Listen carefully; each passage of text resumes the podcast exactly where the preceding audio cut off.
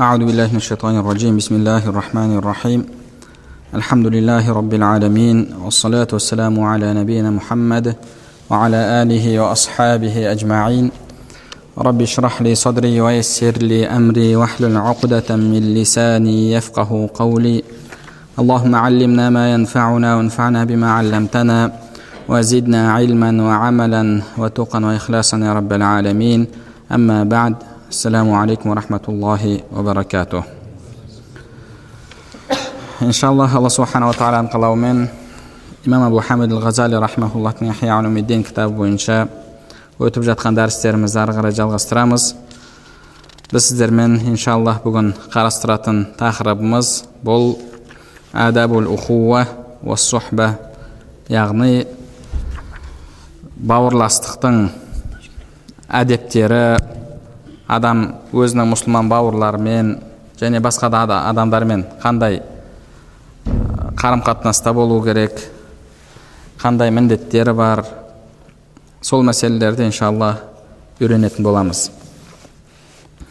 Жалпы адамның өзінің мұсылман бауырымен жақсы мәміледе болуы араларында жақсы қарым қатынастың болуы бұл аллаху субханаху тағаланың бізге берген нығметі жақсылығы пайғамбарымызға алла тағала құран кәрімде لو أنفقت ما في الأرض جميعا ما ألفت بين قلوبهم ولكن الله ألف بينهم егер сен жер бетіндегі барлық нәрсені жұмсайтын болсаң жұмсасаң да олардың жүректерін біріктіре алмас едің бірақ алла тағала олардың жүректерін біріктірді деген яғни мұсылмандардың жүректерінің бір болуы пайғамбарымыз саллаллаху алейхи уассаламның хадисінде келген бір дене секілді болу бұл алла тағаланың бізге берген нығметінен. Негізінде мұсылмандардың арасындағы қарым қатынас пайғамбарымыз саллаллаху алейхи вассаламның хадисіндегідей болу керек. Пайғамбарымыз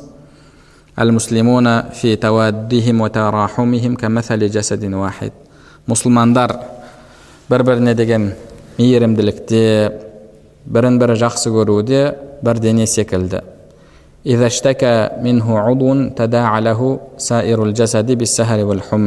егер дененің бір бөлігі бір ағза ауыратын болса бүкіл дене сонымен қосылып бірге ауырады.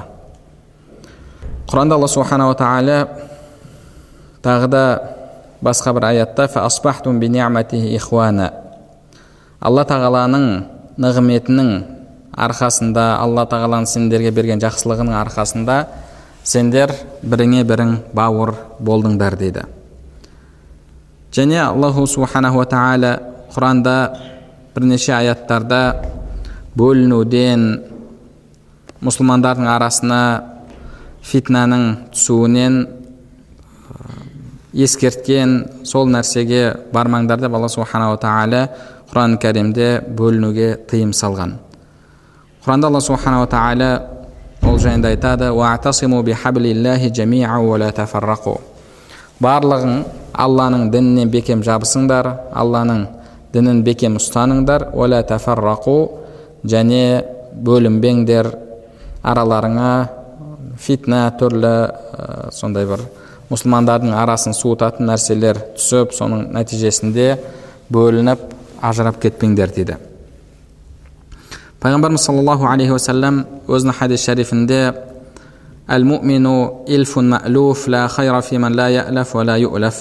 мұсылман адам сондай бауырмал келеді.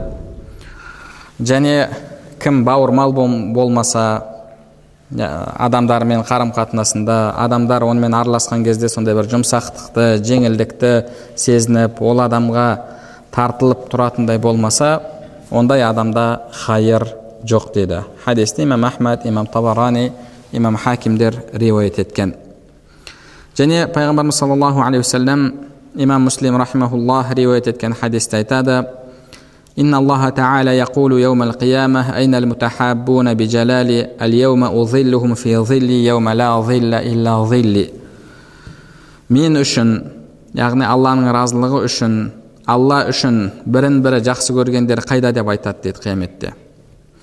Бүгін мен оларды өз көлеңкеме аламын.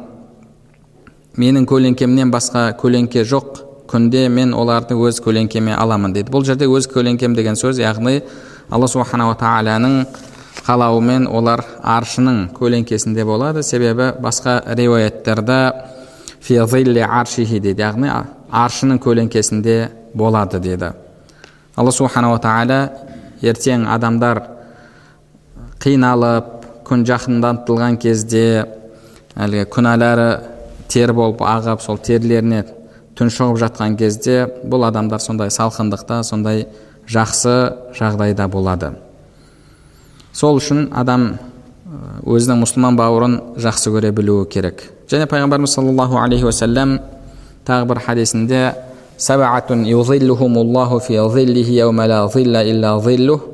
жеті түрлі ертең көлеңкеде болатын адамды бізге айтты солардың бірі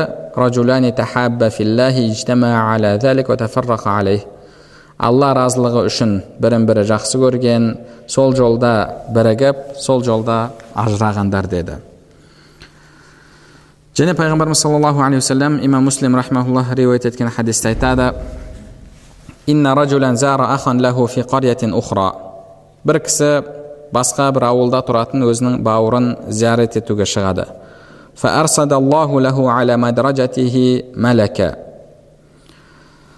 аллаху субханаху тағала әлгі кісінің жолына бір періштені отырғызып қояды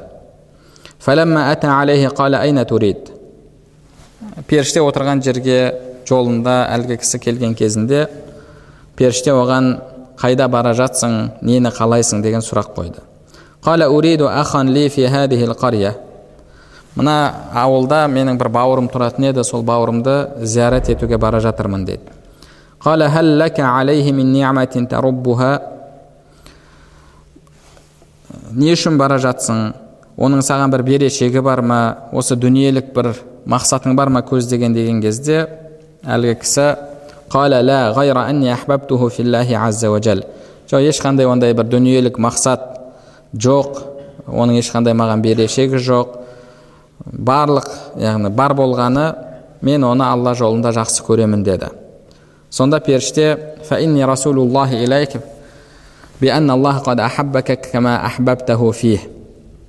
мен алла тағаланың саған жіберген періштесімін алла тағала сен оны жақсы көргендей сені жақсы көретіндігін жеткізуді маған бұйырды дейді хадисті имам муслим рахмауллах риуаят еткен абдулла ибн омар радиаллаху анхумадан мынандай сөз риуаят етіледі والله لو صمت النهار لا أفطره وقمت الليل لا أنامه وأنفقت مالي في سبيل الله أموت يوم أموت وليس في قلبي حب لأهل طاعة, طاعة الله وبغض لأهل معصية الله ما نفعني ذلك شيئا والله деп антышып айтып жатыр егер мен күндерімнің барлығын оразамен өткізсем яғни мүлдем аузымды ашпастан әр күнімді оразамен өткізсем де түндерімді ұйықтамастан намазбен өткізсем де және бүкіл дүниемді алла жолында жұмсасам да егер менің жүрегімде аллаға итаат етушілерге яғни аллаға бойұсынушыларға деген махаббат болмаса аллаға қарсы келгендерге деген жек көру болмаса мұның барлығы маған пайда бермейді деген. Мен өлгенде маған пайда бермейді деп ол кісі айтқан.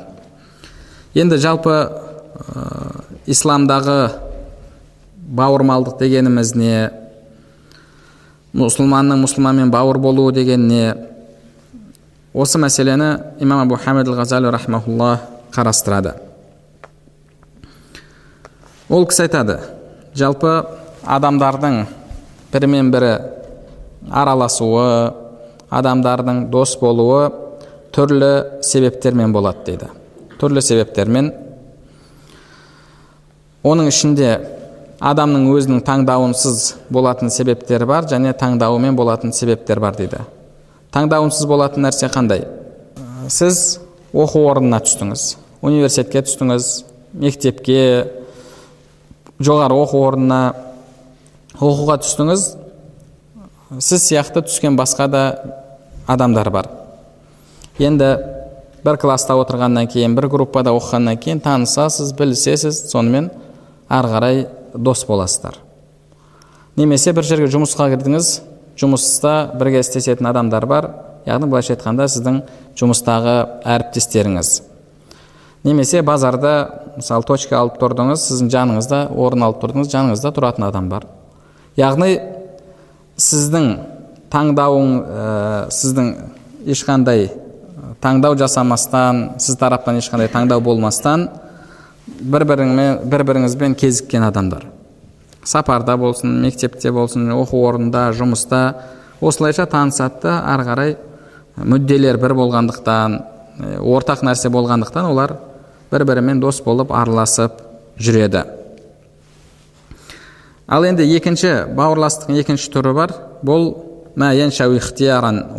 дейді. Яғни адамның өзі таңдау жасап әлгіндей жұмыстың себебімен оқудың себебімен тағы да басқа да сондай бір адамның еркінде болмаған себептермен болған достасу емес.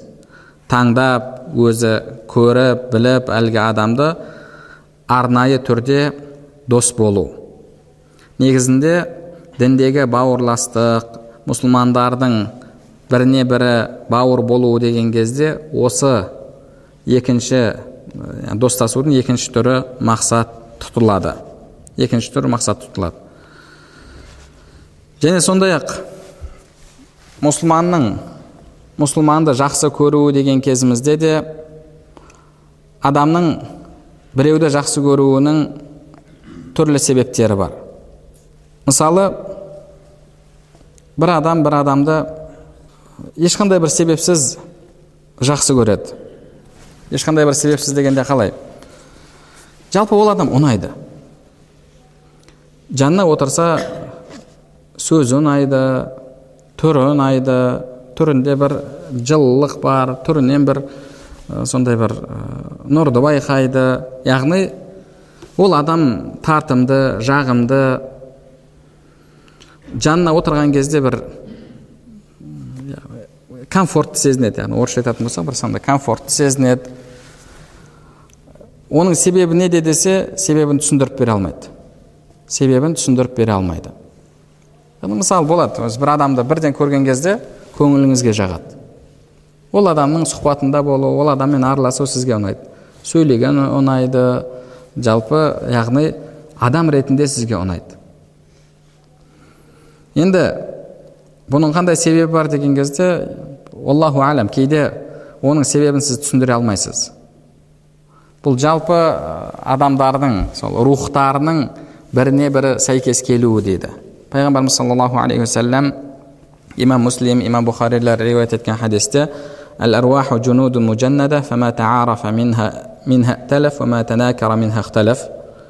адамдардың рухтары әлгі жасақталған әскер секілді яғни бір бірімен танысқан кезде танысқан кезде сондай бір бір әскер секілді сондай біріне бірі бауырмал болып кетеді яғни бір саптағы не сияқты ә, қалай түсіндіруге болады?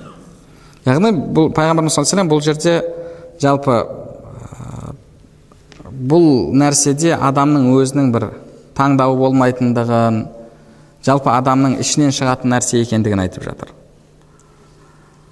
Кейде адам өзі түсіндіріп бере алмайды. Білмеймін әйтеуір ұнайды осы адам дейді не үшін ұнайды? Аллаху әлем яғни кейде адам адамды тек қана сол адамдығы үшін жақсы көреді. Немесе оның мысалы жүзі шырайлы жүзі сондай жағымды сол себепті жақсы көреді. Бұл жақсы көру алла жолындағы жақсы көруге кірмейді.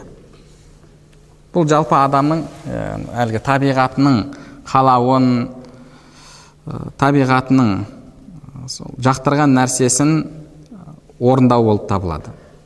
Адамның табиғатына сол адам ұнайды. Басқа оған бір діни тұрғыдан түсіндірме жоқ ешқандай. Шахуатына жағады. Шахуат дегенде яғни сол адаммен араласқан оған бір комфорт сыйлайды. Сол себепті ол адам жақсы көреді.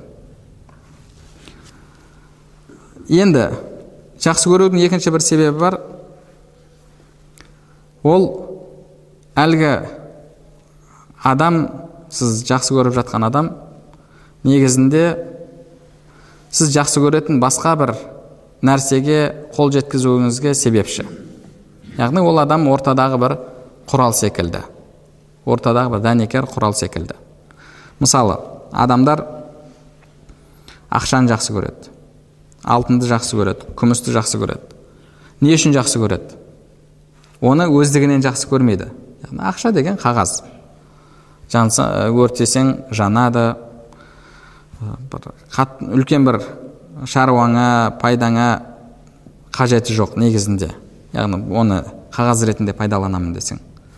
Бірақ сен ақшамен өзің жақсы көретін нәрселерді ала аласың.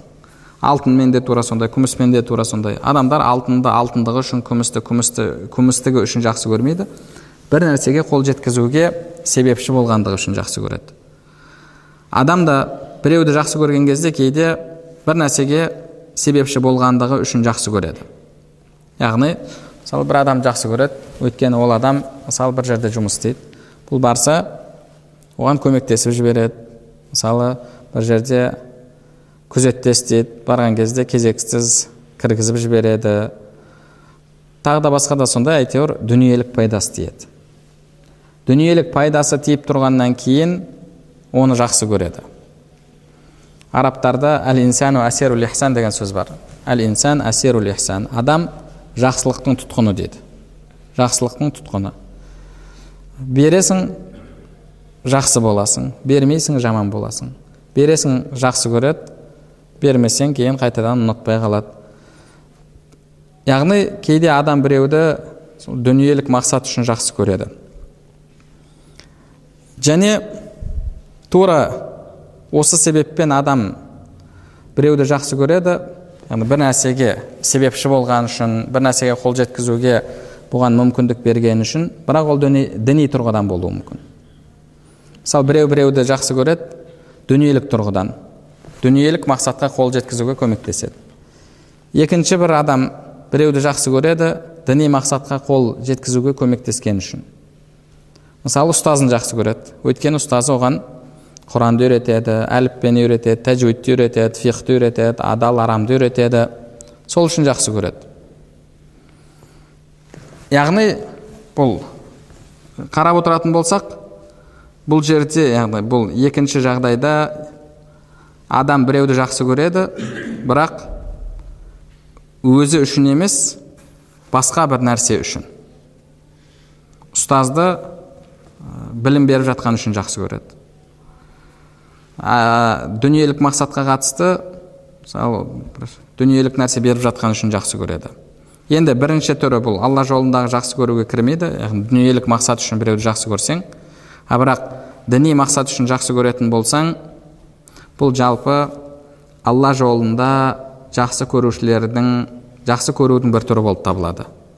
Біреуді сіз діни себеппен жақсы көрсеңіз ол сіздің сол алла жолында бірін бірі жақсы көргендердің қатарына кіруіңізге себепші болады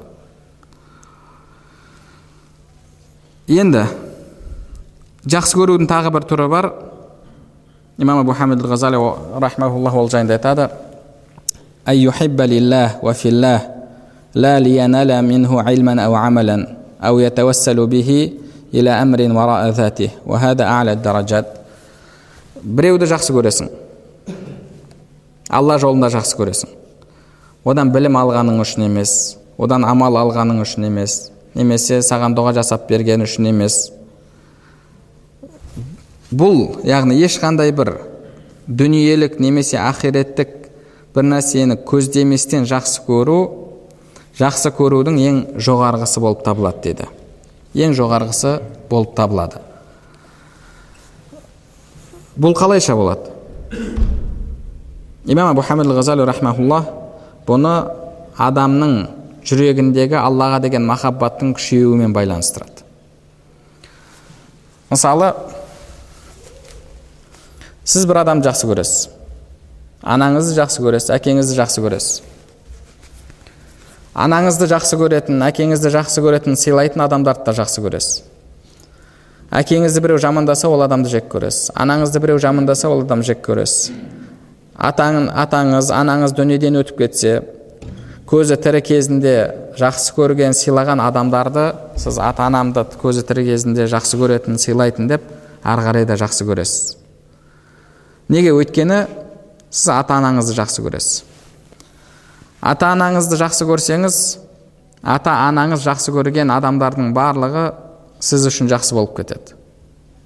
Әкем бұл кісіні ұнататын мына кісіні құрметтейтін деп одан кейін сіз де сол кісіні құрметтейсіз.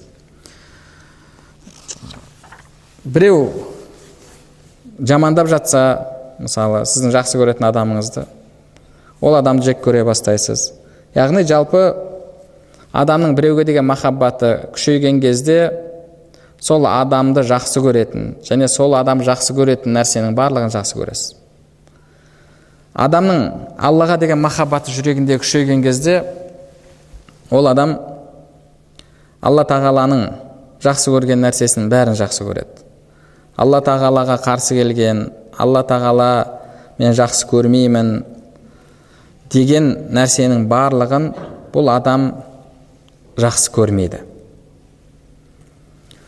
Енді мұсылман адам алланың бұйрығын орындап жүрген адам құлшылығын жасап жүрген адам алла бұйырғандай өмір сүріп жүрген адам ол адам иншалла алла субханала тағаланың алдында ізгі құлдардан алла тағала жақсы көретін құлдардан.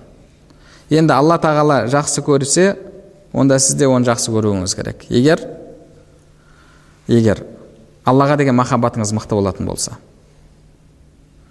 Мысалы сіз бір адамды танымайсыз. Бір адамды танымайсыз. Сізге айтты пәленше деген адам бар сондай жақсы ізгі намазхан құдайдан қорқады деді тағы бір адам құдайдан қорықпайды намаз оқымайды арағын ішеді зинасын жасайды ұрлығын жасайды кісі өлтіреді деді сіз екеуін танымасаңыз да сізге олардан бір пайда немесе зиян келмесе де міндетті түрде сіз бірінші адамды жақсы көресіз екінші адамды жек көресіз неге өйткені әлгі бірінші адамды алла тағала жақсы көреді ол алла тағаланың бұйрықтарын орындап жүрген адам сіз автоматты түрде ол адамды жақсы көресіз. Екінші адам аллаға қарсы келіп жүрген адам. Алла тағала жақсы көрмейді. Сіз де оны жақсы көрмейсіз. Яғни адамдарға деген ә, махаббатыңызды сол аллаға деген махаббатыңыз басқарады. Ол сіздің ұстазыңыз емес. Одан сізге бір пайда келіп жатқан жоқ. Бірақ сіз ол адамды жақсы көресіз. Не үшін? Өйткені ол иншалла алла субханала тағаланың сүйікті құлдарынан. Осы негізі алла жолындағы бауырластықтың ең жоғарғы деңгейі болып табылады. Ешқандай дүниелік немесе ақиреттік пайда алмасаң да бірақ ол алланың сүйікті құлдарынан болғандықтан алланың бұйырғандарын орындап тыйғандарынан тыйылып жүрген адам болғандықтан да оны жақсы көру. Осы алла жолындағы махаббат болып табылады. Енді алла жолында жек көру деген нәрсе бар. Сіз біреулерді алла жолында жақсы көруіңіз керек және біреулерді алла жолында жек көруіңіз керек. Алла жолында жек көру деген қалай болады? Оның үкімі қандай? Ғұламаларымыз бұл мәселеге тоқталған кезде жалпы біреуді бойындағы сипат үшін жақсы көру немесе жек көру және ол адамды адамдық үшін жақсы көру деген осы екі мәселені ажыратып қарайды. Мысалы бір адам кәпір. Бір адам кәпір адам. Құдайға иман келтірмеген немесе иманы дұрыс емес. Бұл адам күпірлікпен сипатталған бойында күпірлік болған адам. Сіз біреуді күпірлігі үшін жақсы көретін болсаңыз ғұламаларымыз бұның өзі күпірлік дейді біреуді күпірлігі үшін жақсы көретін болсаңыз бұның өзі күпірлік болып табылады негізінде күпірлікті жақсы көру мұсылман адам үшін мүмкін емес нәрсе яғни біреу мысалы пұтқа табынады сіз соны пұтқа табынатындығы үшін жақсы көресіз бұл жақсы көруіңіз сізді діннен шығарып жібереді сіз мұсылман бола алмайсыз енді бір адам құдайға сенбейді. Сіз оның құдайға сенбеуін күпірлігін жек көресіз. Бірақ ол адамды адамгершілік үшін немесе басқа бір себеппен жақсы көресіз. Дінімізде әхіл китап кітап иелерінен қыз алуға үйленуге рұқсат. Кітап иелерінен. Енді сіз бір қызға үйленіп жатсаңыз кітап иелерінен болған. Оны жек көріп тұрып жақтырмай тұрып үйленбейсіз ғой. Оның түрін ұнатасыз мінезін ұнатасыз сөйтіп үйленесіз. Алла субханала тағала құран кәрімде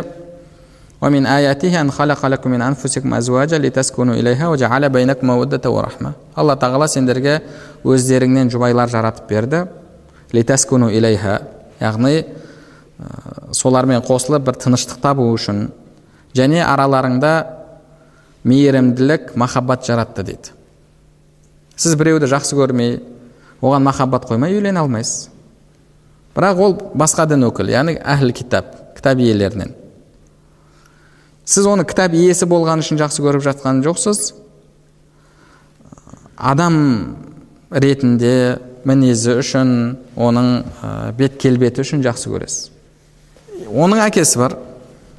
Енді әйеліңіздің әкесін сіз жек көрмейсіз. Әйеліңіздің әкесін де жақсы көресіз. Оның анасын жақсы көресіз. Бұл жерде яғни жалпы адамды адам үшін адамдық үшін жақсы көру бар және оның бойында табылған бір сипат үшін жақсы көру бар. Егер сіз әлгі адамдарды күпірлігі үшін жақсы көрсеңіз онда діннен шығып кетесіз. Діннен шығып кетесіз. Егер бір адамның бойында пасықтық болатын болса сол пасықтығы үшін оны жақсы көретін болсаңыз онда сіз пасық боласыз. Пасықтыққа түсесіз. Мысалы әнші. Шариғаттың шеңберінен шығып ән айтады. Харам клиптер түсіреді. Немесе бағанағы әйел әнші. Жарты жалаңаш киініп жүріп өлең айтады. Сіз соны жақсы көресіз. Әнші ретінде. Енді оның істеп жүрген ісі қандай іс? Шариғат тұрғысынан. Күпірлік пе пасықтық па? Пасықтық. Сіз оны бойындағы пасықтығы үшін жақсы көрсеңіз онда пасықтыққа түсесіз. Күпірлігі үшін жақсы көретін болсаңыз күпірлікке түсесіз. Яғни жалпы біреуді бойындағы сипат үшін жақсы көру және жек көру деген нәрсе бар. Ол бойындағы сипаттың үкімі қандай? Оны жақсы көрудің жек көрудің үкімі сондай. Бойында күпірлігі бар адамды жақсы көру күпірлігі үшін сол сипат үшін жақсы көру бұл күпірлік. Пасықтық үшін жақсы көру әлгі әншіні актерді тағы басқа да сондай пасықтықпен айналысатын. Адамды сол пасықтық үшін жақсы көру ол пасықтық болып табылады. Бірақ енді оның туысқаны бар мысалы әкесі бар әкесі намазхан баласын балам деп жақсы көреді. Бірақ оның бойындағы сипатты жақсы көрмейді жек көреді. Әншілігін жек көреді оның бишілігін жек көреді. Нух алейхисалам сияқты. Жаны ашып баласына баласы ғой баласын жақсы көреді. Уа балам бізбен бірге кемеге мін деді. Және кәпірлермен бірге болма деді. Негізі араб тілінде жалпы құрандағы ережеде тәжуид оқығандар біледі. Сүкунді бә бә әрпі мимге жолығатын болса онда идғам болмайды. Идғам болмайды. Яғни бағанағы екі әріп бір әріпке айналып шәддәлі бір әріп болып оқылмайды. Бірақ осы аятта осы жерде я я бунайя иркаб маана арабшасында негізі сондай иркаб иркаб деген мін маана бізбен бірге бірақ осы жерде яғни негізгі ережеге сай келмейді бә әрпі мим әрпіне кіріп кетті сонымен я маана деп оқылады ғұламаларымыз бұның себебін түсіндірген кезде ә, кейбіреулер сондай бір көзқарасты айтады яғни әкесінің соншалықты жақсы көріп қиналғанынан яғни бізбен бірге бол бізбен бірге мін деген сондай бір аяныш сезіммен жақсы көру сезіммен айтқанын білдіру үшін дейді. Яғни сол кезде бізге мін деген бізбен бірге осы кемеге мін деген сөзде бізбен деген сөзбен мін деген сөз екеуі бірігіп кетті дейді. Яғни идғам болып идғам негізі бағана бірігіп кету біріп бір әріпке айналып кету. Иә деген сол тұрғыдан дейді. Яғни сіз біреуді адамгершілік тұрғыдан жақсы көресіз ол сіздің туысқаныңыз мысалы ініңіз араққа салынып кетті сіз ініңізге жаныңыз ашиды жылайсыз қиналасыз егер мысалы құдай сақтасын өліп қалатын болса жылайсыз бұл деген сіз оны алқаштығы үшін арақ ішкендігі үшін жақсы көргеніңіз емес қой туысқандық сезім сол үшін де жалпы біреуді бір сипат үшін жақсы көру деген нәрсе бар немесе өзі үшін адамдығы үшін немесе бағанағы туысқандығы үшін енді туысқандық та ол оның бойындағы бір сипат қой туысқандық оның бойындағы бір сипат бірақ ол діни сипат емес яғни адамның бойындағы сипаты күпірлік болатын болса сол күпірлігі үшін жақсы көру күпірлік және күпірлігі үшін оны жек көру міндет болып табылады өйткені күпірлікті жек көруге міндетсіз міндеттісіз әлгі бойында пасықтығы бар адамды жақсы көру пасықтық бірақ ол күпірлікке сізді кәпір етпейді оны жақсы көру оны бойындағы әлгі сипатты жек көру ол да уәжіп болып табылады неге өйткені сіз пасықтықты күнәні жек көруіңіз керек және одан кейін жалпы мысалы біреуді жақсы сипат үшін жақсы көру. Оның бойында тақуалығы бар. Оның бойында алладан қорқуы бар алладан ұялуы бар. Ол намазхан бес уақыт намазын тастамайды көркем мінезі бар. Алла субханала тағала бұның барлығын жақсы көреді. Ондай болатын болса ондай адамды сіздің жек көруіңіз мүмкін емес. Өйткені алла тағала ол адамды жақсы көреді. Алла тағала жақсы көретін сипаттар оның бойында тұр. Яғни жалпы адамдарды жақсы көрудің үкімі солай. Егер біреудің бойында күпірлік болатын болса ол адамды сіз күпірлігі үшін күпірлігі үшін ұнатпайсыз ұнатпауға міндеттісіз. Енді бұл жерде ғұламаларымыз негізі адамның өзін емес сол бойындағы сипатты дейді. Адамның өзін емес бойындағы сипатты. Бірақ оның бойында сол сипат болғандықтан да соған жараса сізде мәміле болады. Яғни ол сипаты бөлек өзі бөлек емес қой. Әлгі күпірлік сипаты немесе пасықтық сипат соның бойында тұр бойында табылып тұр. Екеуі бөлініп кеткен нәрсе емес. Сол үшін соған жараса сізде мәміле болады. Соған жараса мәміле болады. Ә, енді адамның өзін жақсы көру жек көру деген мәселеге келген кезде ғұламаларымыз айтады негізі бұл жерде жақсы көру жек көру адамның өзіне болмайды дейді адамның бойындағы сипатқа болады деді. Адамның бойындағы сипатқа болады. Және одан кейін бұл жерде есепке алынатын негізгі нәрсе енді біз болашақты білмейміз болашақта қалай болатынын бірақ негізгі есепке алынатын нәрсе бұл адамның соңғы жағдайы. Адамның соңғы жағдайы. Ол адамның соңғы жағдайы қалай болады? Қазір ол адам жақсы болуы мүмкін бірақ ертең жаман адамға айналады. Қазір ол адам жаман адам болуы мүмкін ертең жақсы адамға айналады.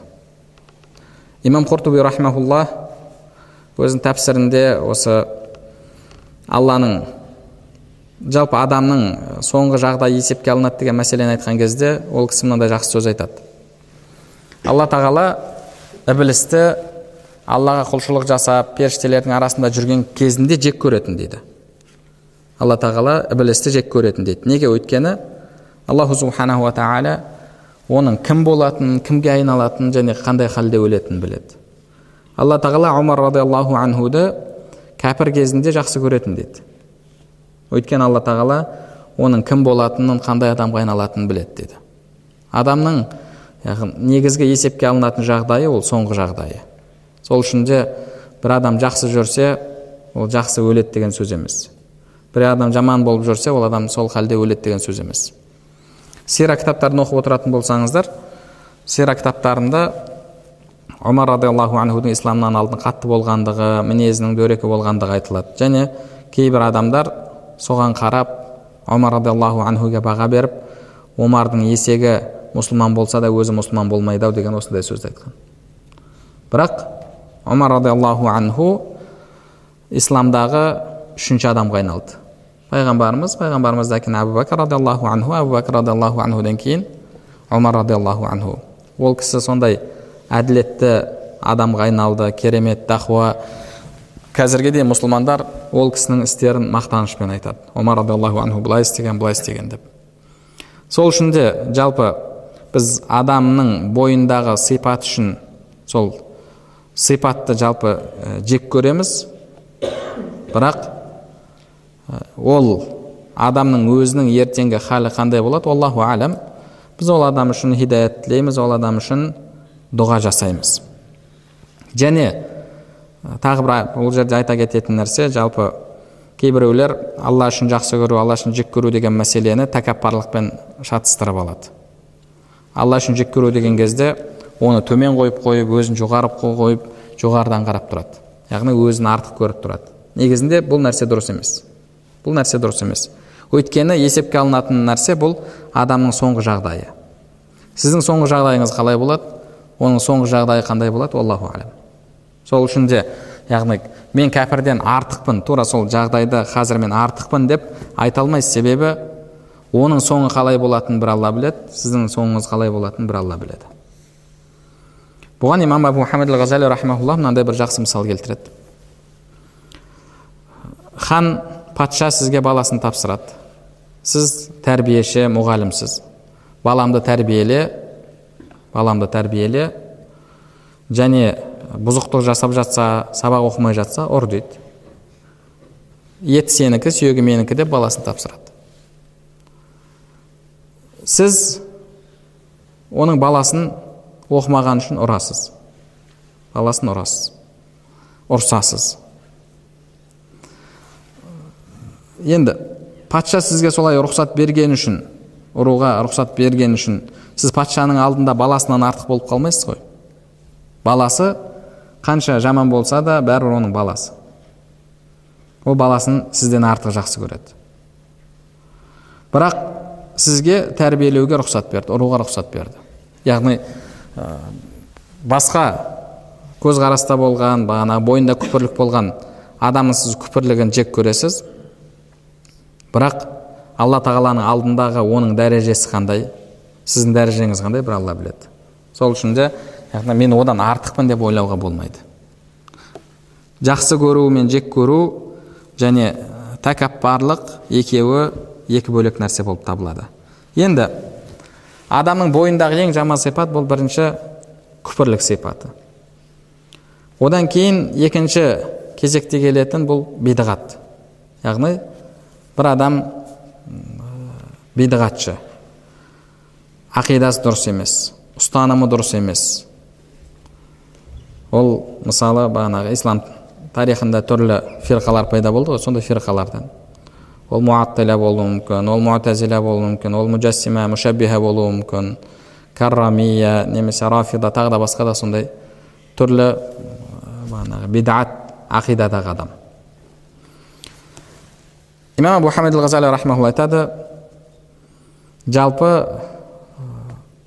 бидғаттың қаупі өте үлкен деді енді онымен араласу мәселесінде де онымен араласу мәселесінде де егер ол өзінің бидғатына шақырып жүрген адам болатын болса және бидғаты діннен шығарып жіберетін адам болса ол адамның үкімі әлгі бойында күпірлік бар адам секілді. Соның үкімін алады. Егер діннен шығарып жібермейтін болса онда оның бойындағы пасықтық болып табылады және егер ол өзінің райынан қайтпайтын бейдағатына шақыратын адам болатын болса ол адамнан ұзақ болу керек. Ол адамнан ұзақ болу керек.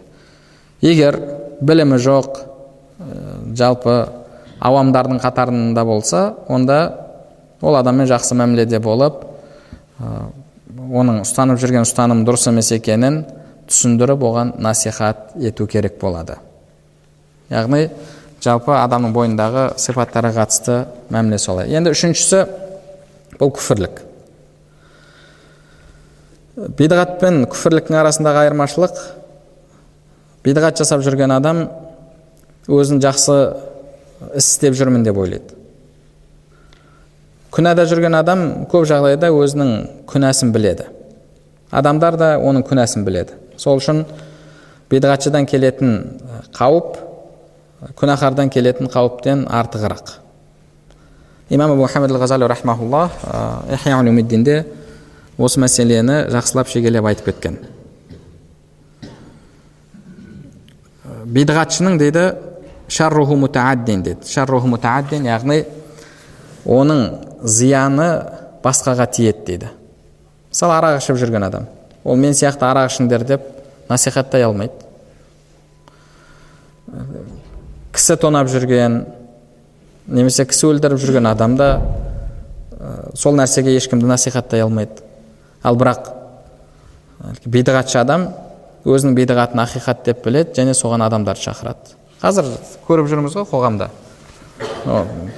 Мысалы хауариждердің ақидасында болады такфир ақидасында болады. Сөйте тұра адамдарды біздің жолымыз ақиқат келіңдер құран сүннет осы деп адамдарға қанша зиян тиіп жатыр.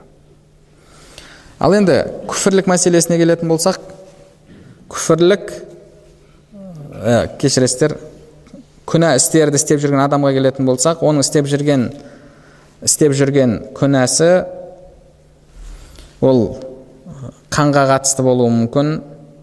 Яғни адам өлтіру біреуді ұрып соғу немесе адамның дүниесіне қатысты болуы мүмкін. Немесе адамның ар намысына қатысты болуы мүмкін. Өсек ғайбат айтатын адам біреуге жала жабатын адам. Осыған қарай оның жалпы дәрежесі анықталады. Оның зияны істеп жүрген ісінің қаншалықты жамандығы соған қарай анықталады. Ең жаманы ішіндегі күнәнің қанға қатысты күнә. Яғни біреуді өлтіру қанын төгу. Одан кейін бағанағы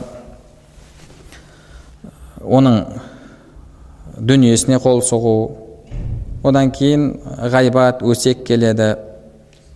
Енді жалпы адам үшін ар намысы ар намысы жоғары болу керек қой бірақ шариғатта енді ар келетін зиян мен дүниеге келетін зиянды салыстырған кезде жалпы дүние тұрғысынан келетін зиян ауырырақ болып табылады. Біреу сізді ғайбаттаса ол үшін оның қолын шаппайды. Бірақ біреу сіздің дүниеңізді алатын болса оның қолын шабады. Неге? Өйткені ол сіздің былайша айтқанда өміріңізді ұрлап жатыр. Сіз жылдап ақша жинадыңыз кәсіп еттіңіз біреу келеді да соны бір күнде алып кетеді. Яғни былайша айтқанда ол сіздің өміріңізді тонап жатыр. Соған қарай жалпы адамның дәрежесі анықталады. Яғни біреуді жақсы көру жек көру оның бойындағы сипат. Бұл жерде біреуді жақсы көру жек көру деген кезде оны адамдық тұрғыдан емес өйткені адамның барлығы алла тағаланың жаратылысы болып табылады.